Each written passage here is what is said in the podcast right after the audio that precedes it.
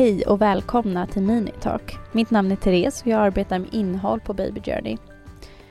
I den här minipodden kommer ni få ta del av korta informativa avsnitt kring graviditet och småbarn. Och med oss idag har vi vår barnmorska Sofie.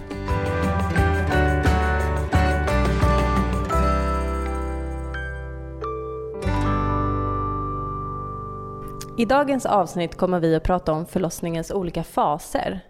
Hur ser förloppet ut? Ser det alltid likadant? Och upplever alla de olika faserna likadant? Alla upplever nog en förlossning på olika sätt. Vi är olika, har olika förutsättningar och föder inte samma barn. Hur faserna upplevs kan variera. Vissa hoppar över latensfasen, andra har den i flera dygn. Jag börjar lite och berätta om latensfasen. Under den här fasen är de flesta hemma. Vissa känner mensvärk som sedan går över i oregelbundna sammandragningar som ofta inte är så smärtsamma. Det är bra att försöka vila under den här fas fasen. Om latensfasen håller på i många timmar utan att övergå i den aktiva fasen finns det läkemedel att få så att du som födande kan vila.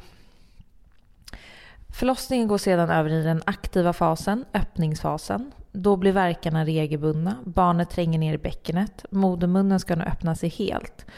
Denna fas kan också ta många timmar, framförallt om det är första barnet.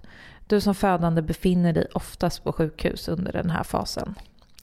Utdrivningsfasen. Nu har barnet kommit ner mot bäckenbotten. Du som föder känner förmodligen att du vill krysta, trycka på för att hjälpa barnet ut.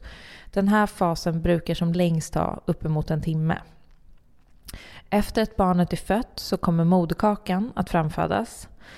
Eh, och enligt de flesta sjukhusens riktlinjer ska den vara framfödd inom en timme efter bebisen. Du som födande kan känna att du får en till verk och ofta hjälper barnmorskan till att leda ut moderkakan genom att lätt dra i navelsträngen samtidigt som du krystar. Tack så mycket. Tack för att du har valt att lyssna på Minitalk med oss.